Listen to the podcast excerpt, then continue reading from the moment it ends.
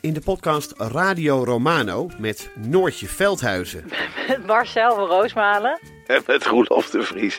brengen we alle drie elke week een zogenaamde signalering mee. Wat heb jij nou weer bij je? En aan het eind bepalen we wie de winnaar van de week is. Echt een angstcultuur Lege huls die je er bent? Ja, dat gaat eigenlijk altijd onvriendelijk. Luister nu naar Radio Romano bij Podimo. Via podimo.nl slash Radio Romano luister je 30 dagen gratis. De strijd om de miljoenen van Siewert van Liende is losgebarsten. Zowel de staat als zijn stichting eisen de mondkapjeswinst terug. Maar dat die opbrengst in ieder geval niet thuis hoort bij Van Liende, daarover kan toch eigenlijk geen twijfel bestaan. Hoe kon het zo ver komen? Dit is het. We hebben beet. En als Siewert het geld teruggeeft, kunnen wij dit schandaal dan eindelijk loslaten?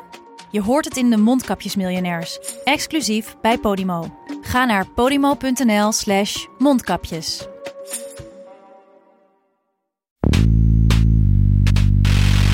Nou, wat je dus ziet is dat die slavernij, dus letterlijk vanaf het allereerste begin van Amerika, dus een soort ontwrichtende werking had. Ook al dacht men een tijd lang het zal wel overgaan, maar met die enorme economische ontwikkeling kreeg het zuiden ineens extra attractie.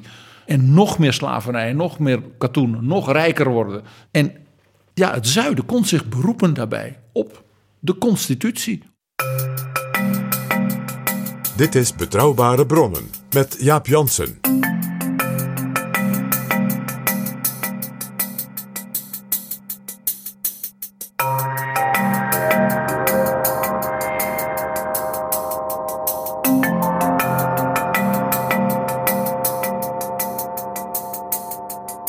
Hallo, welkom in Betrouwbare Bronnen, aflevering 185. En welkom ook PG. Dag Jaap. En deze keer ook, ik denk voor de vijfde keer inmiddels, welkom Peermin Oldeweghuis. Ja, dankjewel ja. De vijfde keer alweer ja. Want we gaan het hebben over de Verenigde Staten, opnieuw over de Verenigde Staten, waar afgelopen week de po- politieman Derek Chauvin veroordeeld werd voor de dood van George Floyd. De zwarte gemeenschap en hun sympathisanten zijn opgelucht. En onder die sympathisanten zit ook president Joe Biden, die de veroordeling een grote stap noemt in de strijd tegen het wijdverbreide racisme in de Verenigde Staten. En PG, dat bleek jou een goede aanleiding om te gaan praten over de Civil War, de burgeroorlog in de periode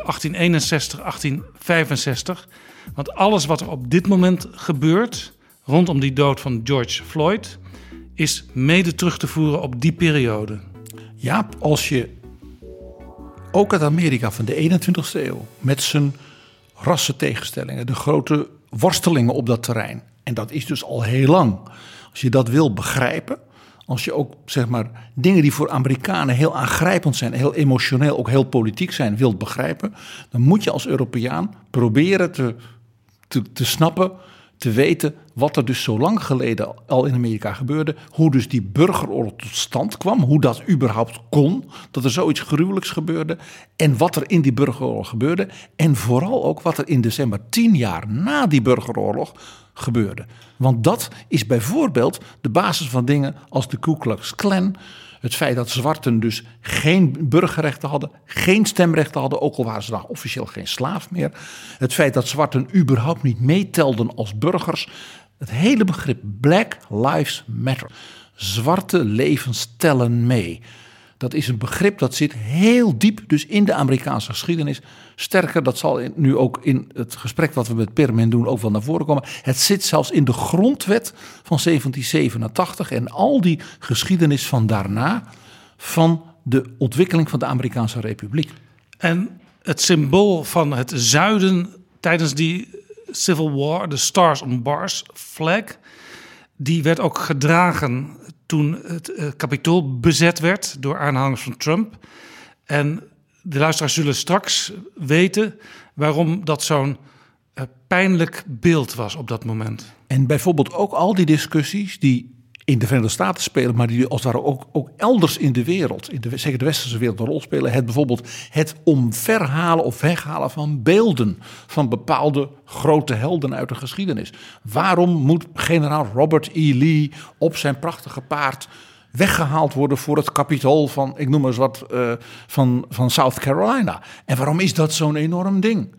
Waarom waren er die demonstraties in Charlottesville? Waar Trump van zei, er zijn goede mensen aan beide kanten. Waarom is dat zo ingrijpend en zo emotioneel? Een Europeaan zal dat pas een beetje gaan leren begrijpen als je iets begrijpt en weet van die burgeroorlog, de voorgeschiedenis en ook de nageschiedenis daarvan. Ja, zullen we voordat we hier echt mee beginnen nog even luisteren naar Joe Biden en Kamala Harris deze week? Here's the truth about racial injustice. It is not just a black America problem or a people of color problem. It is a problem for every American. It is keeping us from fulfilling the promise of liberty and justice for all. And it is holding our nation back from realizing our full potential. We are all a part of George Floyd's legacy. And our job now is to honor it and to honor him. Today, a jury in Minnesota found former Minneapolis police officer Derek Chauvin guilty on all counts in the murder of George Floyd last May. It was a murder in the full light of day, and it ripped the blinders off for the whole world to see the systemic racism the Vice President just referred to. The systemic racism is a stain on our nation's soul. the knee on the neck of justice for black Americans. Profound fear and trauma. The pain, the exhaustion that black and brown Americans experience every single day. The murder of George Floyd launched a summer of protest we hadn't seen since the civil rights era in the 60s. Protests that unified people of every race and generation in peace and with purpose to say enough, enough, enough of this senseless killings. We have to listen. I can't breathe. I can't breathe. Those are George Floyd's last words. We can't let those words die with him. We have to keep hearing those words. We must not turn away. We can't turn away. We have a chance to begin to change the trajectory in this country. It's my hope and prayer that we live up to the legacy. May God bless you, but may God bless the George Floyd and his family. Thank you for taking the time to be here. This can be a moment of significant change. Thank you. Jaap Jansen en Pieter Gerrit Kroeger duiken in de politieke geschiedenis. PG en Peermin, het is deze maand precies 160 jaar geleden dat die burgeroorlog in Amerika losbarstte. We zullen het in deze aflevering gaan hebben, want we gaan er meerdere afleveringen aan besteden.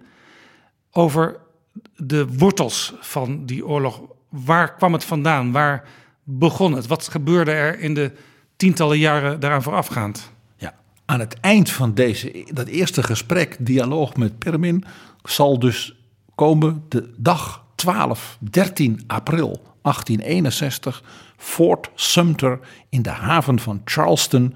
Dat prachtig oude stadje, havenstadje in South Carolina. Zeer romantisch, heel interessant om te bezoeken, ook historisch.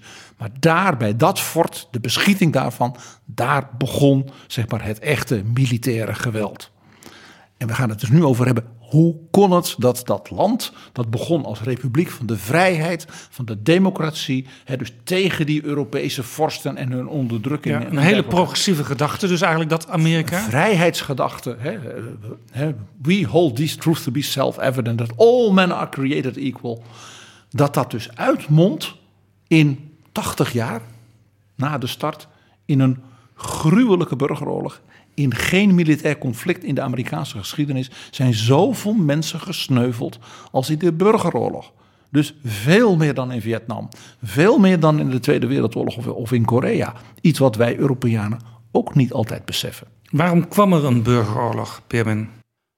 De wortels van die burgeroorlog die zijn eigenlijk al uh, ja, diep in de grond geschoten op het moment dat de constitutie, de grondwet van de Verenigde Staten, is aangenomen. Uh, je had uh, in die tijd staten waarin slavernij pla plaatsvond. dat waren dus gewoon nog de ouderwetse koloniën aan de kust van de Verenigde Staten. Virginia, South Carolina, Georgia. De Verenigde Staten was toen nog echt op de zeegrens eigenlijk alleen maar. En dan meer in het noorden, de staten die uh, eigenlijk geen slavernij hadden. Dus je had al een sentiment van mensen die dat uh, geen goed idee vonden. En daar ook uh, dat wel een goed idee vonden, te meer omdat ze economisch van afhankelijk waren. Hoe kwam het dat, want slavernij speelde natuurlijk op allerlei plekken in de wereld. Nederland is er ook bij betrokken geweest, heeft ook een rol gespeeld in de slavenhandel.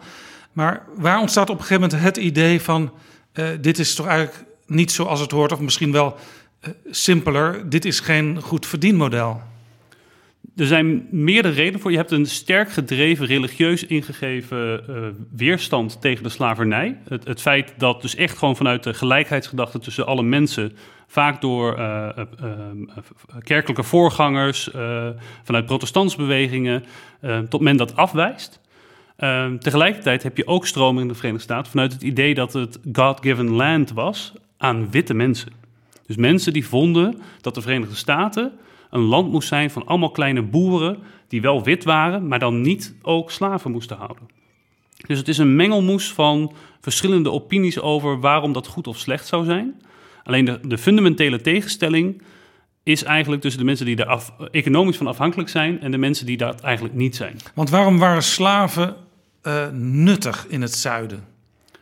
Het was een zeer agrarische uh, economie tabakplantages, um, uh, indigo, uh, ga zo maar door. Maar allemaal aan de kust. Als je kijkt in de staten waar wij nu aan, veel aan denken, eigenlijk als je aan de, het, het slavernij zuiden denkt, dan denk je aan Louisiana, Mississippi, Alabama. In die tijd woonden daar, nou, in ieder geval nog niet de Amerikaanse uh, burgers, die woonden daar op dat moment nog niet. Uh, heel dun bevolkt gebied, hoorde ook nog niet bij de Verenigde Staten. Dus het was echt alleen maar de Jeffersons was bijvoorbeeld, had slaven, George Washington had slaven. Al die ja, grote figuren uit de Amerikaanse onafhankelijkheidstijd, waren allemaal slavenhouders. Dat waren aristocraten die zich dus ook spiegelden aan de Britse aristocratie. He, die beschouwden zichzelf ook als Britten. He, ze kwamen in opstand tegen de Britse koning omdat ze het gevoel hadden dat ze niet zeg maar, voldoende ja, no taxation without representation. Ze werden als burger niet geacht. Maar ze voelden zichzelf Britten en voelden zich ook heel sterk als feodale aristocraten. Die dus mensen onder zich hadden waar zij er natuurlijk vaderlijk goed voor waren. Maar die natuurlijk wel moesten gehoorzamen. Dat was dus die zuidelijke, zeg maar, feodale cultuur van de Amerikaanse ja, koloniën. In, in noordelijke... Uh, had je dan over knechten. En hier hebben we het over slaven. Maar Groot-Brittannië was natuurlijk ook een koloniale mogendheid. En onderschat niet dat de Britse adel natuurlijk in Ierland in feite ook allemaal slavernij had. Op de landerijen. En dan in het noordelijke deel van de Amerikaanse koloniën. Dan moet je denken aan Pennsylvania, New Jersey, New York, Massachusetts. Hè, dus rondsteden als Philadelphia, New York en Boston. Daar was een veel meer zeg maar, burgerlijke uh, Noord-Europese, de Schotse, Nederlandse uh, en dat soort cultuur, sterk protestant ook, waar men dus slavernij gewoon niet accepteerde, behalve soms als huisknechten. Dat kwam wel voor. Maar er was dus geen grote slaveneconomie, zoals op de tabaksplantages, de suikerplantages en dergelijke in het zuiden. En een huisknecht was een soort inwonend iemand die had dus wel bepaalde voordelen boven zeg maar, de gemiddelde slaaf in het zuiden? Absoluut. De slaven in het zuiden werden, waren echt mensen die op plantages gewoon doodgewerkt werden. Om maar een voorbeeld te geven. Um, in, in eh, de soort van de, de bredere statistieken in het zuiden uh, van uh, hoe de slavernij werkte. En dat is dan meer op het hoogtepunt daarvan.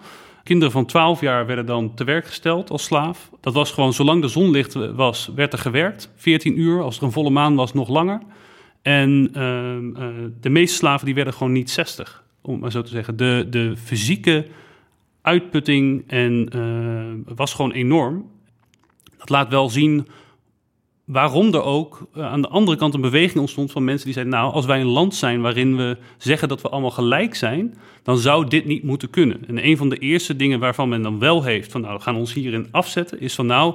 eh, en daar was op zich ook nog wel redelijk overeenstemming over. We gaan stoppen met de import van slaven. Ja, en tot slaafgemaakte vrouwen, die stonden ook onder druk om zoveel mogelijk kinderen te krijgen toen.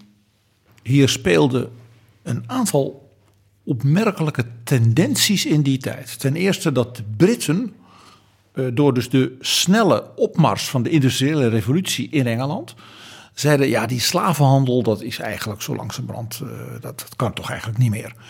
Dus de Britten begonnen de slavenhandel sterk terug te brengen en uiteindelijk te verbieden. En er was nog iets, die industriële revolutie, die leidde ertoe dat dus in het noorden van de Verenigde Staten die Britse economische revolutie heel snel als het ware werd overgenomen. Dus ook in het noorden begon men dus typische dingen te doen zoals wij ze hier in Europa kennen. Bijvoorbeeld het aanleggen van grote kanalensystemen om snel dingen te kunnen vervoeren. Daar kwam natuurlijk ook de opmars van de spoorwegen. En de stoommachine, dat kwam allemaal heel snel op. Dus het beeld zeg maar, tussen nou, 1800 en 1820, 25 was die slavernij, dat is een Auslaafmodel. Dat zijn nog wat ja, plantagehouders, rijke aristocraten die op hun landerijen nogal wat slaven hebben lopen. Maar in 15, 20, 25 jaar is dat economisch model voorbij. Ja, en Alexander van Humboldt, over wie wij het al een aantal keren hebben gehad in betrouwbare bronnen, die reisde ook rond door de Verenigde Staten en die had een scherp oog voor innovatie en hoe je, hoe je economie op een goede manier kon organiseren. En die zag, eh, dit is op termijn geen verdienmodel meer. Toen hij in 1805 op bezoek was bij president Jefferson, Thomas Jefferson, de grote denker, founding father, en zelf een slavenhouder. Toen zei hij: Ik heb rondgereisd in ook de Cariben en op Cuba en dergelijke. Die, dat economisch model van de slavernij met die plantages, dat is over. Dat duurt nog 10, 15 jaar, maar dat houdt u niet vol. En hij kwam dus met een soort wetenschappelijk-economische en sociologische analyse. Waarmee hij zei: Die slavernij, dat, daar moet u mee stoppen.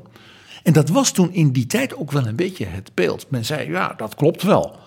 Maar en toen gebeurde er dus iets onverwachts. In de industriële revolutie ontstond er ook een revolutie op het platteland. En werd met name het, uh, uh, het telen en verwerken van katoen werd ineens industrieel mogelijk. Dat leidde met name in Engeland en in Europa tot massale en daardoor ook goedkope voor de gewone man bereikbare textiel en een enorme textielindustrie. En die zuidelijke plantages, die konden dus die, ineens die katoen massaal gaan verbouwen, industrieel verwerken. En daar had je dus heel veel slaven voor nodig. Want dat katoen je... moest nog steeds wel geplukt worden. En ja, dat moest natuurlijk niet te veel kosten, want anders werd je niet rijk.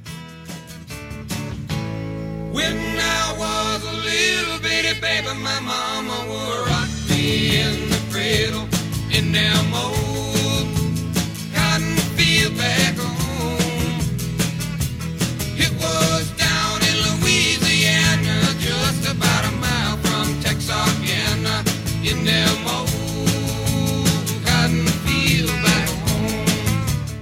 Dus die zuidelijke planterseconomie kreeg zeg maar na 1820, 1830 een enorme boost.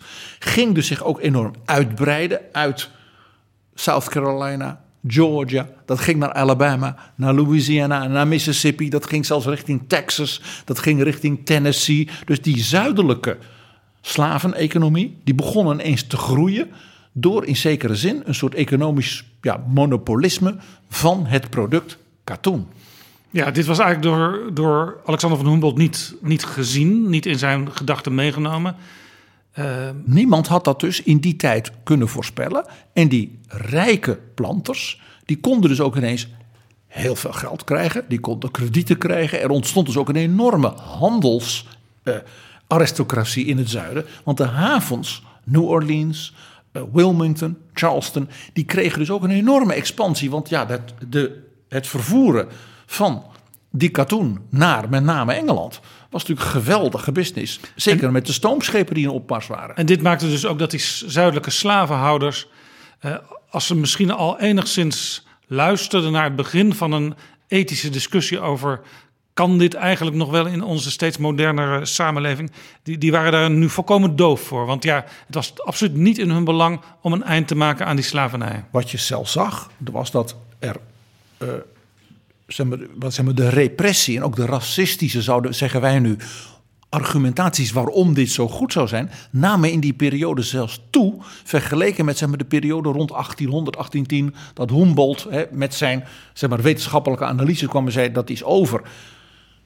Toen, zeg maar na 1825, 1830, werd het als het ware ineens weer modieus om te roepen, nou, maar die slavernij dat is een heel erg goed model. Daar worden we bovendien allemaal heel rijk van. En die zwarten zijn toch eigenlijk ook min of meer ja, eh, gemaakt om voor ons te werken. En ik denk dat het interessante daarbij ook is dat je zou kunnen, af kunnen vragen van waarom is dat dan een probleem voor het land als geheel? Weet je, je bent de eerste 50 jaar doorgekomen zonder dat dat uiteindelijk tot enorme spanningen heeft geleid. Ehm, maar je krijgt op een gegeven moment dat het land zich steeds verder uitbreidt. Je krijgt 1803 koopt eh, de Verenigde Staten, eh, president Thomas Jefferson, de Louisiana Purchase. Daar wordt eigenlijk de, wat wij nu de Deep South, dus Alabama, Mississippi, ehm, eh, Louisiana natuurlijk, dat wordt gekocht, aangekocht door de Verenigde Staten. Dat was eerst van Napoleon. Dat klopt. Ja, Napoleon. Napoleon moest kiezen of ik ga het verdedigen. eh, hè, vanwege eh, te- tegen de Engelsen en tegen die Amerikanen. Eh, dan moet ik iets van 50 tot zeg maar, 80.000 Franse soldaten op schepen Dat daarheen is sturen. eigenlijk niet te doen. Naar New Orleans. Ja, dat had gekund, maar dat werd wel duur. En dan kon hij bijvoorbeeld niet Oostenrijk verslaan. Ja, je kunt niet en in Amerika en in Oostenrijk eh, oorlog voeren in die tijd. Dus toen heeft hij met de Amerikaanse ambassadeurs die Jefferson had gestuurd naar hem onderhandeld. En toen heeft hij gezegd, nou dan verkoop ik het gewoon. En die Amerikanen die eh, kunnen als het ware zoveel krediet krijgen bij de banken. Want ja, dan kunnen ze dat gaan exploiteren. Dat was het idee. Dat Napoleon iets van 6 miljoen dollar of zoiets. Dat was echt heel veel geld eh, in die tijd. Kreeg voor dat lege stuk land. Waaronder dus de grote havenstad Le Nouveau Orléans, New Orleans. Ja, vandaar dat je in New Orleans, zoals de Amerikanen zeggen, als je daar bent, nog best veel respect aantreft voor Napoleon. Je ziet daar bijvoorbeeld ook een dodenmasker in het museum van hem. En het beroemdste café van New Orleans is dan ook Du Monde. En daar maken ze fatsoenlijke koffie, zoals Fransen koffie drinken en niet dat slootwater van de Amerikanen. En hun beroemde beignets, dat Franse hapje voorbij de koffie. En dat maken ze al, zo, geloof ik, sinds 1780 of zoiets, ononderbroken. Ze zijn nog nooit dicht geweest. Café Du Monde. Maar nog dat veel belangrijker, PG, eh, als je daar geweest bent, is dat je je kunt herinneren dat de straten in het centrum van New Orleans eh, tweetalig zijn. Alles is in het Frans. Men is daar trots op zijn grote Franse traditie. En nou snap je ook waarom. Met als een van de belangrijkste straten Bourbon Street. En die heet naar Bourbon, het koningshuis van Frankrijk. Maar op het moment dat hij aankoopt, dus New Orleans zat daarbij.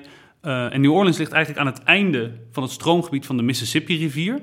En op dat moment even, ja, zo gezegd, loopt, eh, is de Verenigde Staten is dan eigenlijk het gebied waar in ieder geval het territorium dat ze hebben, is tot aan de Mississippi-rivier. Zo moet je het ongeveer voor je zien op dat moment. Dus de, Maar aan- heel dus veel- de aankoop van dat zeg maar, stuk land van Napoleon betekent dat de Verenigde Staten zeg maar, eh, eh, 200% groter werd dan het daarvoor was. Met één, in één klap, met één pennenstreek. En welk vraagstuk dan ontstaat is: oké, als we daar dan zometeen eh te- territoria gaan la- toelaten tot de Unie, ehm, mag daar dan slavernij plaatsvinden? Ja of nee? En eh, die discussie die loopt eigenlijk steeds hoger op. Omdat eh, als je een staat toelaat, betekent dat dat ze twee senatoren mogen leveren in de Senaat. Je krijgt eh, leden in het Huis van Afgevaardigden Ze erbij. stemmen voor de president. Ze stemmen voor de president. En in die machtsverhouding, daar zie je eigenlijk tot het onderwerp uitbreiding slavernij steeds meer gemixt wordt met het politieke machtsvraagstuk tussen de zuidelijke staten met, met hun economisch model en de noordelijke staten. En dat, dat wordt eigenlijk steeds verder op het spits gedreven. En een van de eerste keren dat het eh, nou, best wel eh, hevig oploopt is eh, in 1819. Gaat over de staat Missouri. St. Louis ligt daar, is ook de Mississippi-rivier loopt daar. St. Louis, oftewel Saint-Louis, die heette dus naar de heilige koning van Frankrijk. Want ook dat was dus oorspronkelijk een grote Franse handelsstad midden in Amerika. En in Missouri ehm, was het vraagstuk ook: mag hier de slavernij zometeen uitbreiden, ja of nee? Uh, dat leidt dan tot een, tot een stevig politiek debat. En het uiteindelijke compromis dat dan gesloten wordt in 1820 is... ja, Missouri mag toetreden tot de Unie als een slavenstaat. Tegelijkertijd wordt Maine, helemaal in het noordoosten... ook toegelaten als vrije staat... om ervoor te zorgen dat de balans in de Senaat niet verder zou verstoord worden.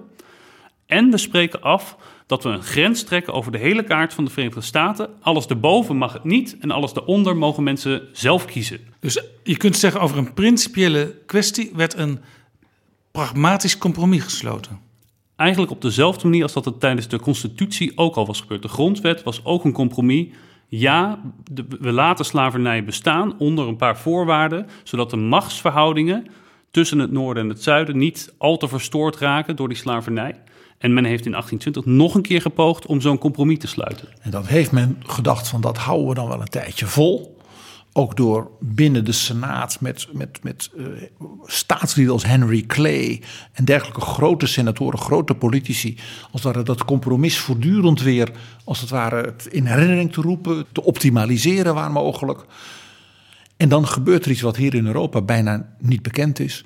Er ontstaat een oorlog tussen de Verenigde Staten, dus de Union van toen, met Mexico.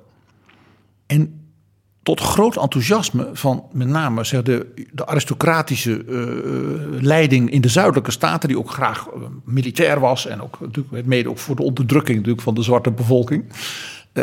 En Mexico werd vernietigend verslagen in die oorlog door de Verenigde Staten. En dat leidde dus tot een enorme expansie opnieuw, net als met de aankoop door, van Napoleon, van het territorium van de Verenigde Staten tot in Californië en de Pacific.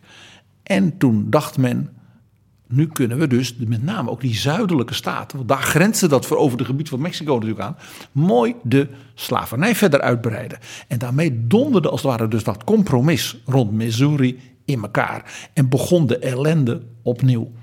Het is dus ook geen toeval dat het heel jonge parlementslid voor de staat Illinois, Abraham Lincoln, toen al zei: Ik ben tegen deze oorlog. Deze oorlog zal ondermijnd als het ware het evenwicht in ons land. En dat de president en de zuidelijke staten die oorlog zo mooi vinden, dat maakt mij argwanend. En Lincoln was dus heel fel tegen die oorlog met Mexico. Die zei: Je kunt een heel keurig compromisvrede kunnen we ook sluiten. En dat leidde ertoe dat hij ook na twee jaar in het parlement niet herkozen werd. Want hij was natuurlijk geen patriot. Hij was niet voor onze jongens. Maar Lincoln was dus toen al als heel jong politicus alert op de ondermijnende werking van dus zo'n militair conflict en de uitbreiding van de slavernij als gevolg daarvan. Ja, Lincoln staat ook bekend. We gaan het uh, verderop in deze aflevering nog uitgebreider over hem hebben. Als de man die uh, de Unie bijeen wilde houden. En dat was eigenlijk het allerbelangrijkste voor hem. Wat je verder ook aan, aan misschien wel prachtige dingen straks over hem kunt zeggen. Maar die eenheid, die zag hij in gevaar komen. En daarom moest die oorlog met Mexico niet gebeuren. En nu begrijp je waarom toen Lincoln dus veel later een meer, ervaren politicus was en niet meer de jonge wilde uh, man uit Illinois, dat hij dus op dit onderwerp natuurlijk grote credibility had. Hij kon meer dan andere politici gewoon zeggen: Ik ben op dit punt altijd straight geweest. Anderen hadden wel eens een beetje een compromis met het zuiden. En dan weer eens een compromis met die. En iedereen had wel een beetje zeg maar, vuile handen in de Amerikaanse politiek. Maar niet Abraham Lincoln. Die had het zelfs moeten accepteren dat de kiezers hem wegstuurden en niet meer wilden vanwege dus zijn principiële opstelling. Is een hele mooie speech die Abraham Lincoln even 1832 uit mijn hoofd, kan er een jaartje naast zitten, in Illinois ook gegeven heeft. Toen was hij natuurlijk nog geen bekend uh, politicus, waarin hij uiteenzet van goh, hè, de, de founding generation, de Jeffersons en zo, die zijn zo meteen niet meer onder ons. En dat brengt een uitdaging met zich mee. Hoe gaan wij ons experiment, de republiek, voortzetten? En daarbij beschrijft hij al tot eigenlijk de enige manier waarop het land ten onder kan gaan, is door uh, zichzelf te vernietigen. En daar zie je dus al helemaal die, die wortels liggen van tot het bijeenhouden van die Unie, het experiment, het democratisch uh, experiment van de Verenigde Staten, heel erg centraal staat in zijn gedachtegoed. En dat zul je gedurende de tijd en zijn presidentschap constant blijven zien. En dus die oorlog met Mexico, die hier in Europa, zal ik maar zeggen, niet zo bekend is, is dus eigenlijk als het het lont in het kruidvat geworden van een, zeg maar, een ontploffing, een explosie die vervolgens in de jaren daarna, een jaar of tien, niet meer zeg maar, tegen te houden was. Mede, eh, Permin, dat zul jij ook eh, als eh, Amerika-kenner weten. Doordat Amerika toen niet bepaald is verblijd geweest met een serie goede presidenten. Zoals we in andere fasen van de Amerikaanse geschiedenis wel hebben gehad. De presidenten van zeg maar, tussen 1840 en 1860, dat was een verzameling tinnef. Als we terugkijken op de Civil War, dan wordt er vaak het beeld geschetst van het eh, noorden tegen het zuiden. Maar in die tientallen jaren voorafgaand aan het uitbreken van die oorlog was het niet zo schematisch. Hè? Want de politieke standpunten eh, die liepen ook in het noorden nogal uiteen. Ja, ook in het noorden heb je ehm, eigenlijk, eh, waar we het eerder ook kort over, over hadden, je hebt eigenlijk de, de mensen die principieel tegen de slavernij zijn. Dat zijn de abolitionists. Dat was een relatief kleine groep mensen nog in het, in het noorden. In het Nederlands vertaald de afschaffers, hè? abolitie. En dan heb je daarnaast een, een grote groep mensen die niet voor, de, niet voor de slavernij aan zich waren, maar ook vonden dat ze zich eigenlijk niet zo moesten bemoeien met wat er dan in het zuiden gebeurde. Om, onder, eigenlijk meer onder het mom van laten we de goede lieve vrede ook maar bewaren.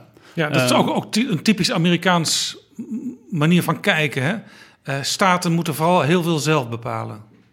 Ja, en dat was ook het zelfbewustzijn van de staten in het zuiden was ook heel erg. Ehm, de slavernij is ons pakje aan en daar gaat niemand anders over. Het enige is dat dat soms wat uitvergroot wordt, die states' rights eh, approach. Dus van, hè, dit is ons recht en daar mag de federale overheid zich niet mee bemoeien. Maar je ziet wel degelijk dat er ook in die tijd al wel echt kritische stemmen zijn... die ook op morele gronden die slavernij proberen aan te kaarten. En je ziet dat die beweging die groeit. Eh, leuk voorbeeld, eh, onze grote held uit een voorgaande aflevering, Thomas Paine... die al brieven naar Thomas Jefferson stuurde, zo vroeg al tijdens zijn presidentschap... van, nou, als je dan zometeen Louisiana hebt aangekocht...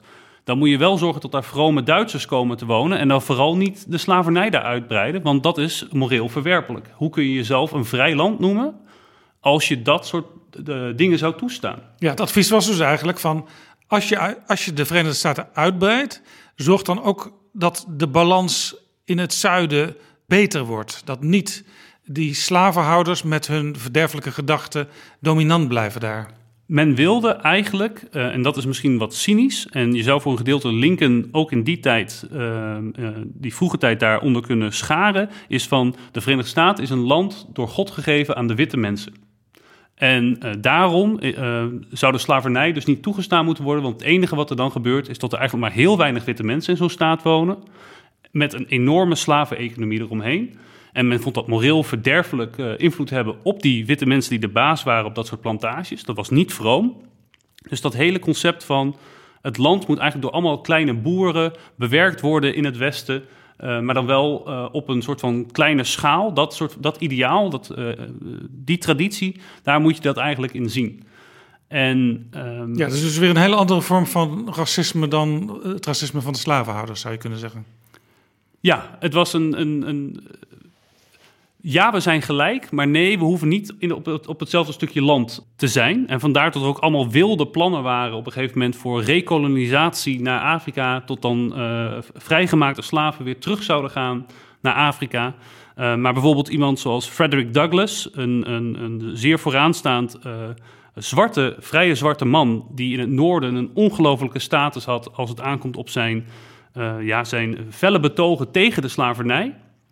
Die, die zei ook dat soort ideeën zijn gewoon ja, eigenlijk compleet waanzinnig.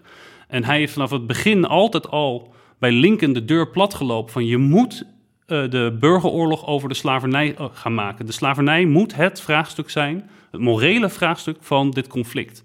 En Lincoln heeft in het begin gewoon gezegd van nou, ik doe de deur dicht, ik doe net alsof ik niet thuis ben. Want ik moet daar zo ver mogelijk vandaan blijven. Want eh, ik, ik wil niet geassocieerd worden met die abolitionists, met die mensen die zo extreem de slavernij willen In afschaffen. feite, eh, wat, wat misschien wel extra wrange kreet is in dit verband, zei eh, Lincoln: Ik wil de balans houden, ik wil de Unie heel houden. Don't rock the boat.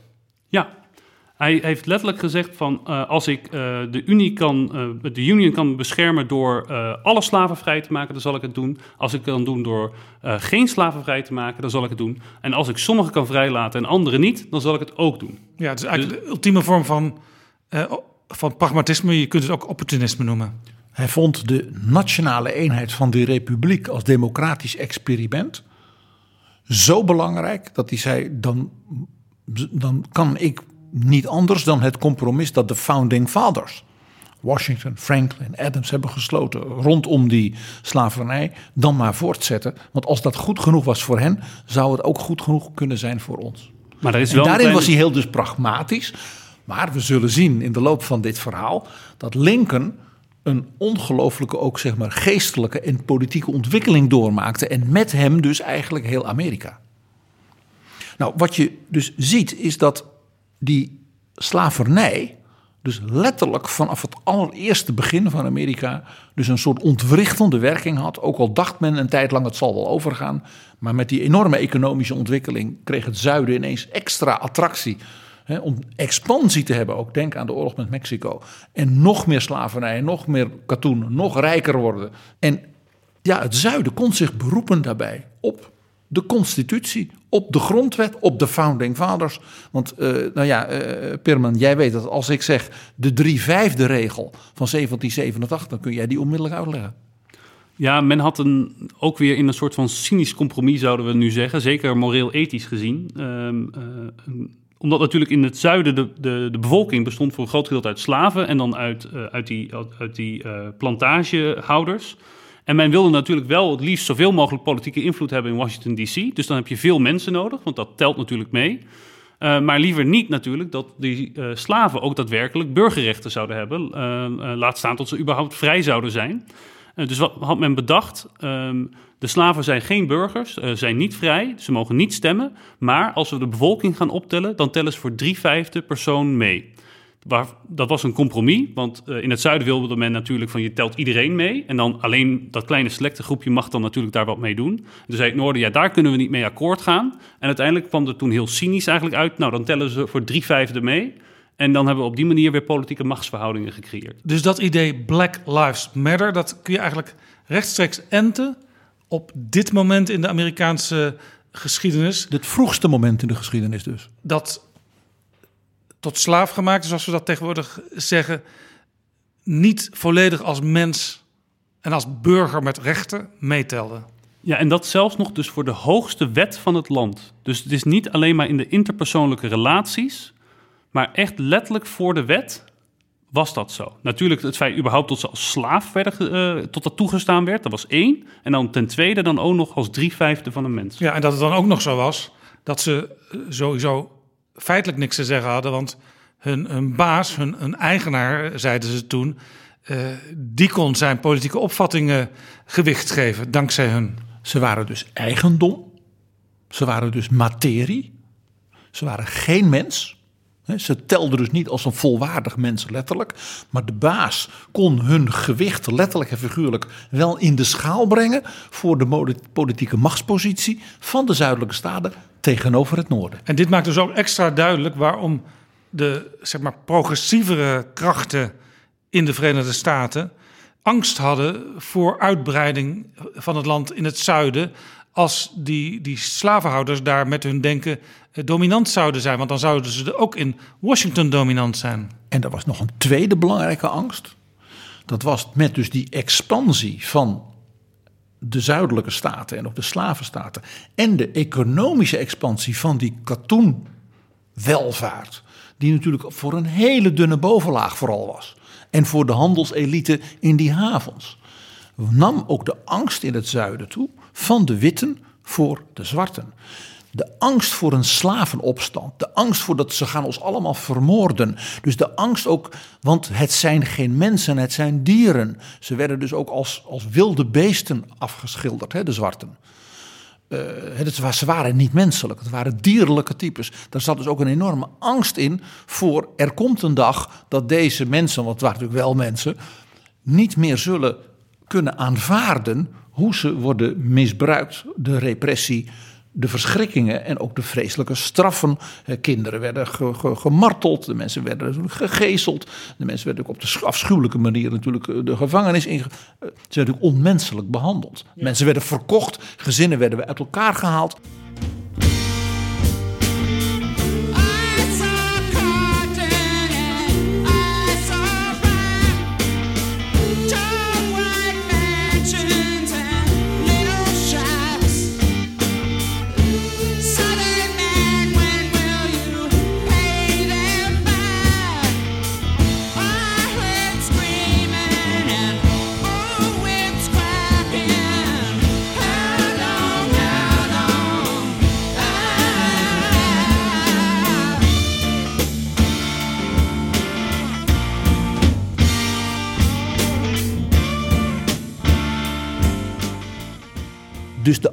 In het zuiden van de blanke bevolking voor een toekomst van de zwarten, ja, dat is een van de minder zeg maar, aangestipte punten in dit hele verhaal. Er zat dus ook in het zuiden een hele diepe, zeg maar, door, door, door vrees voor de zwarten en hun lot aangejaagde repressie, die dus ook dat racistische idee versterkte. En voor het zuiden, voor de mensen die er zo over dachten, uh, was het niet alleen belangrijk om in politiek Washington uh, een stevige stem te hebben, maar het was ook belangrijk om het Supreme Court naar hun hand te kunnen blijven zetten. Iets wat we in de politiek van vandaag de dag nog steeds zien in de strijd tussen uh, de conservatieve vleugel van de Republikeinen en, en progressieve uh, liberale democraten.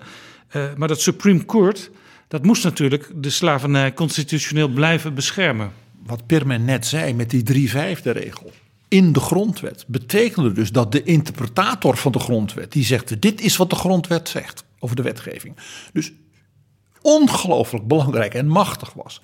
Dus dat die zuidelijke senatoren van die slavenstaten dus alles ja, politiek deden om de presidenten onder druk te zetten om dus pro-slavernij, zeg maar zuidelijke rechters tot oprechter te benoemen. Dat is duidelijk. Dus die politieke strijd om het Supreme Court, dat dat op bij elke benoeming als er weer een rechter doodgaat, ja, dat dat een enorm ding is, dat komt met name uit deze tijd. En het, en het meest fameuze voorbeeld van dus de impact van het Supreme Court, ook de funeste impact van het Supreme Court, is de zogenaamde Dred Scott Decision. Ja, en dan zijn we inmiddels in uh, uh, 1857. De spanning loopt dus steeds meer op. Ja, om even, even voor de luisteraar. In 1860, 1861 gaat het zo meteen los. Dus we, we komen heel dichtbij. Um, krijg je op een gegeven moment dat uh, de Supreme Court zegt dat um, een, een, een, een, man die voormalig slaaf die als vrijman leefde, uiteindelijk totaal geen rechten had. Er was geen enkele manier waarop, uh, dat zei het Hoogrechtshof, waarop een, uh, een witte man de rechten van een zwarte man zou moeten respecteren, omdat dat nou eenmaal zo opgeschreven stond in zijn interpretatie van de Constitutie. Ook al was deze Dred Scott officieel geen slaaf meer. Ja, dat is een, een, een, een, een situatie waarin het ging over wat nou als een slaaf uit het zuiden wordt meegenomen naar het noorden? Of wat als een slaaf uit het zuiden ontsnapt en naar het noorden vlucht? Op een gegeven moment is er toen een wet, de Fugitive Slave Law, aangenomen die stelde... dan moet die slaaf geretourneerd worden naar zijn rechtmatig eigenaar. Dus de politie van Boston moest dan zo'n zwarte vluchteling oppakken...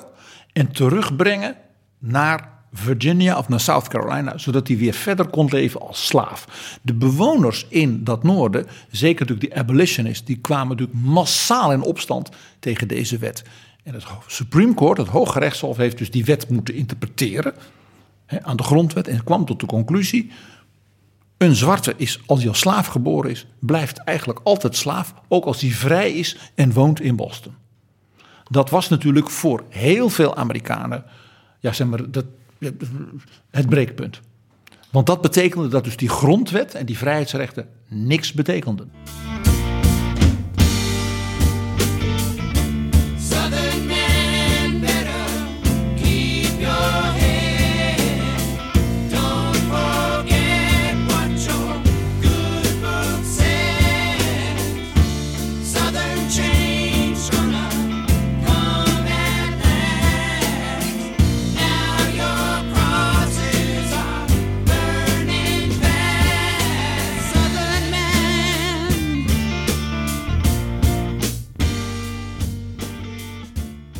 We hadden het eerder over de economie van het zuiden die een boost kreeg door de katoenindustrie.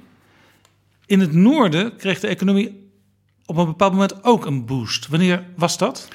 Ja, de noordelijke staten in Amerika gingen als het ware vrij snel na de grote opmars van de industriële revolutie in Europa. Dan moet je denken aan Engeland, moet je denken ook aan België, later ook aan het Roergebied en dergelijke. Meteen mee ook natuurlijk door de handelscontacten en door de massale migratie uit Europa naar Amerika. Dus er ontstond heel veel, zeg maar, ook een relatief goed opgeleide bevolking. Spreken we zo'n beetje 1830, 1840? Ja, in die periode. En dan, dat worden er dus steeds meer. Europeanen, jonge Europeanen die naar Amerika gaan. En daar dus letterlijk en figuurlijk aan de slag gaan. Dus die gaan steeds verder naar het westen met hun boerderijtjes. Die gaan fabrieken beginnen. Dus die noordelijke economie, die wordt dus als het ware modern Europees, zou je kunnen zeggen. Met dus een hele krachtige infrastructuur, spoorwegen, grote industrieën, eh, de kanalen. En dat leidde ertoe dus dat dat noorden heel rijk werd. Ook doordat het zich enorm kon uitbreiden. Eh, ook door de enorme hoeveelheid land. Dat Amerika is nog steeds natuurlijk een enorm land. Dat in feite helemaal leeg is. Dat was toen zeker zo. Terwijl die zuidelijke... Niet in de laatste plaats, omdat natuurlijk de oorspronkelijke bewoners eh, ehm, door presidenten werden verwijderd van het land en steeds verder eh, met nieuwe eh, zogenaamde afspraken werden verwijderd. Eh, Ook dat is een feit. Ook dat is een feit. Daarbij kwam nog iets, wat een heel belangrijk punt is, ook voor wat er daarna gebeurde met de burgeroorlog en de jaren daarna, was dat met die nieuwe migrantenstromen uit Europa er dus ook heel veel ja, zeg maar, moderne Europeanen naar Amerika kwamen. Er ontstond dus ook, wij zouden zeggen, een soort kenniseconomie met moderne communicatie, eh, ook door de technologie, eh, kranten, tijdschriften, kritisch debat. Allemaal dingen die dus in dat zuiden, dat natuurlijk sterk feodaal was. Een planterselite met allemaal zwarten. En ook de witte bevolking in het zuiden was zeer laag opgeleid. De zwarten kregen natuurlijk sowieso nauwelijks enige scholing. Want die moesten natuurlijk vooral hard werken en uitgebuit kunnen worden in de plantages. Toen Alexis de Tocqueville in de jaren zijn reis maakte, zijn beroemde reis maakte door Amerika, was een van zijn observaties was ook dat als je in het noorden bent, dan zie je de, de industrie, dan zie je alles is bezigheid, mensen zijn ja, een enorme energie eigenlijk. Terwijl hij gaf aan, als je dan in het zuiden komt, dan is het alsof je in een totaal andere wereld stapt.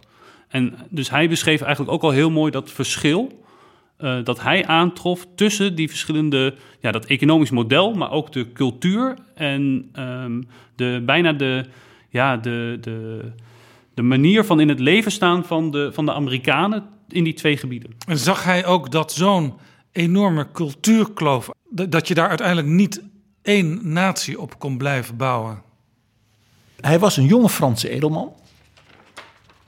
Kwam dus eigenlijk uit een land dat qua cultuur nog wat leek, het ancien regime, op dat zuiden. Hij was dus vooral ook geïnteresseerd in die noordelijke ontwikkeling. Dus die, dat vibrerende van die economie, die cultuur, eh, het kritische debat.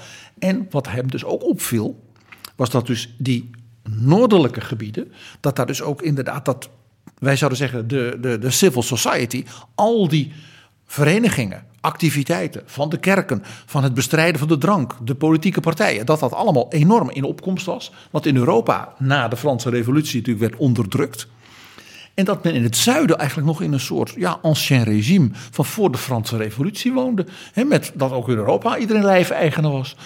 En hij zag dus wel dat dus dat noorden als het ware zich enorm aan het ontwikkelen was. Tocqueville was niet iemand die zei dit gaat leiden tot een scheuring. Hij, hij was eigenlijk zelf door zijn afkomst eh, ge- gehandicapt in het scherp kijken naar die sociaal-maatschappelijke tegenstellingen die er waren. Hij was dus vooral gefascineerd door hoe dus in die noordelijke eh, eh, gemeenschappen, als het ware dat democratisch bewustzijn zich ging ontwikkelen. En hij was vooral dus benieuwd, zou dat nou in Europa ook kunnen? Daarom dat hij erheen ging. En eigenlijk een paar jaar later komt het dan tot, tot de, de eerste soort van bloedige uitbarsting. En dat is op het moment dat eh, de staat Kansas moet gaan besluiten van... goh, wordt dit nou een slaventerritorium of een staat of een, een vrije staat? Ja, want er waren dus nu zoveel boeren uit Europa in dat, in dat, hè, dat, dat landbouwgebied ook nu nog van, van Kansas gekomen, dat ze zoveel duizend inwoners hadden. En dan mocht je in Washington vragen, mogen wij nu onze eigen gouverneur gaan kiezen? En dan gaan we ook een hoofdstad vestigen met een kapitool. En een grondwet. En een grondwet, die moesten ze dan ook samen schrijven. En dan zou dus de staat Kansas worden erkend als nieuw lid van de US of A. En toen kwam natuurlijk de vraag, staat er in die grondwet slavernij, dat lijkt ons wel wat, of slavernij is moreel verwerpelijk? En dat heeft ertoe geleid tot allerlei militia's eh, die staat introkken... om dus iedereen eh, van de andere kant een kopje kleiner te maken. En eigenlijk, dat toen eh, Bleeding Kansas heet het ook wel, is daar een soort van, ja, bijna een soort van proxy-burgeroorlog al een aantal jaren eerder ontstaan aan de randen van, van, de, van de toenmalige Verenigde Staten. En daar was het conflict dus al in hele hevigheid losgebarsten. En zeer gewelddadig. Zeer gewelddadig. En wat je dus de, het, de resultante daarvan is, zie je dus ook in de politieke verhoudingen in Washington D.C., waarin je op een gegeven moment op de vloer van de Senaat krijgt. Eh, daar heb je dan een, een, eh, een senator uit Massachusetts die daar fel spreekt over wat er allemaal gebeurt met de slavernij en het is allemaal verwerpelijk. En op een gegeven moment zegt hij wat lelijke dingen over een familielid van een eh, lid van het Huis van Afgevaardigden uit South Carolina. En die is toen daar naartoe komen lopen en die heeft toen in de Senaat, die senator met zijn wandelstok, helemaal het, leven, het licht uit de ogen geslagen. En dat, dat voor mij laat vooral zien hoe intens dus zoiets wat gebeurt... In die tijd alsnog natuurlijk, de, de, de spoorwegen lagen niet tot aan de grens van, van Kansas. Ehm, zo ver weg, maar zo'n enorme impact begint te krijgen... ook in Washington D.C., tot, het- tot bloedens toe in het kapitool... ehm, ja, eigenlijk gevochten wordt met elkaar. En, als je, en, nu, en nu, nu, nu wil ik op één ding wijzen. Wat wij als Europeanen dus nauwelijks begrepen. Je herinnert je ons vorige gesprek met Pirm en nog met Bob van Heuvelen. Over die milities, het woord alleen al, hè, die dus dat kapitool overvielen met die zuidelijke vlaggen, met geweld. En in dit Amerikanen, dat raakte, je hoorde Bob van Heuvelen de emotie, dat raakt ze diep in hun hart. Want dat doet ze denken aan Bleeding Kansas. Dat mensen zomaar elkaar dus met geweld overvallen en op die manier proberen eh, zeg maar de democratie en de republiek, hè, de union, als het ware kapot te maken. Dat zit dus heel diep. Ook de emotie die we eerder hoorden van een Joe Biden, die natuurlijk zijn hele leven daar in Washington in de politiek heeft gewerkt, heeft mede zijn wortels in dus de, het besef van de Amerikanen dat als, je, als dit gebeurt, zoals in Kansas toen, dan gaat het mis. Dan lopen we gevaar dat de republiek zelf ondermijnd wordt. En dit is dus ook Lincoln weer. Als dit soort dingen kunnen gebeuren, dus als de, de, de, de, de wetten, dus het, het, het eigenlijk zonder geweld oplossen van onze conflicten via de, via de wetten niet meer plaatsvindt, als het maar gewoon willekeurige, ja, een soort van, eh, ja, iedereen maar eh, vogelvrij verklaard is in je- dit soort conflicten, dan met- is het einde zoek. En dan En zullen geweld, wij en geweld dan gaat overheersen. en dan zullen, zal de Verenigde Staten zichzelf uiteindelijk vernietigen. Dat was zijn En in zijn beroemde debat met zijn opponent voor de senaatzetel in Illinois, Stephen Douglas, een van de belangrijke en intelligente, briljante aanvoerders van de Democratische Partij, heeft, hij in die beroemde serie debatten, de Lincoln-Douglas debates, zeer aan te bevolen om, dat, om die te lezen. Je kunt het echt vandaag nog lezen. Zo goed zijn die debatten. Dan zegt hij op een bepaald moment: This nation cannot endure half slave, half free. Want hij zegt dat leidt, zie tot dat men met geweld dat gaat oplossen. Dus je kunt een natie niet half vrij, half slaaf houden. Dus we zullen moeten kiezen wat voor soort natie, wat voor soort republiek we willen zijn. Ja, in dit gesprek hebben we al een aantal keren horen vallen democraten, republikeinen. Dat is als we nu naar de actuele Amerikaanse politiek kijken, natuurlijk zijn dat huishoudnamen. Dat is ook de tegenstelling. Iedereen kan zich daar iets bij voorstellen. Maar die politieke verhoudingen die waren toen, en de, ook de betekenis van die partijen en hun stromingen waren toen heel anders. Ja, de Republikeinse Partij is eigenlijk opgericht in de jaren in aanloop naar de Amerikaanse burgeroorlog. Het is een jonge partij als je kijkt naar de Amerikaanse geschiedenis. Zeker. En ook een partij die fundamenteel eh, uiteindelijk, omdat Abraham Lincoln ook een republikein was, de partij is geweest vanuit van de anti-slavernij. De, de, de meeste abolitionists zaten ook, waren een onderdeel van de Republikeinse Partij. Maar dus ook mensen zoals Abraham Lincoln, die dus gematigder daarin waren, maar wel ook lid van de Republikeinse Partij. En dan had je in het noorden had je ook democraten, die ehm, ehm, niet zo streng waren over de slavernij, eh, maar ook eh, wel degelijk een andere ehm, fractie vormden dan de democraten die in het zuiden natuurlijk de, de, de, de verkozen volksvertegenwoordigers waren van die, van die eh, mensen op die plantages.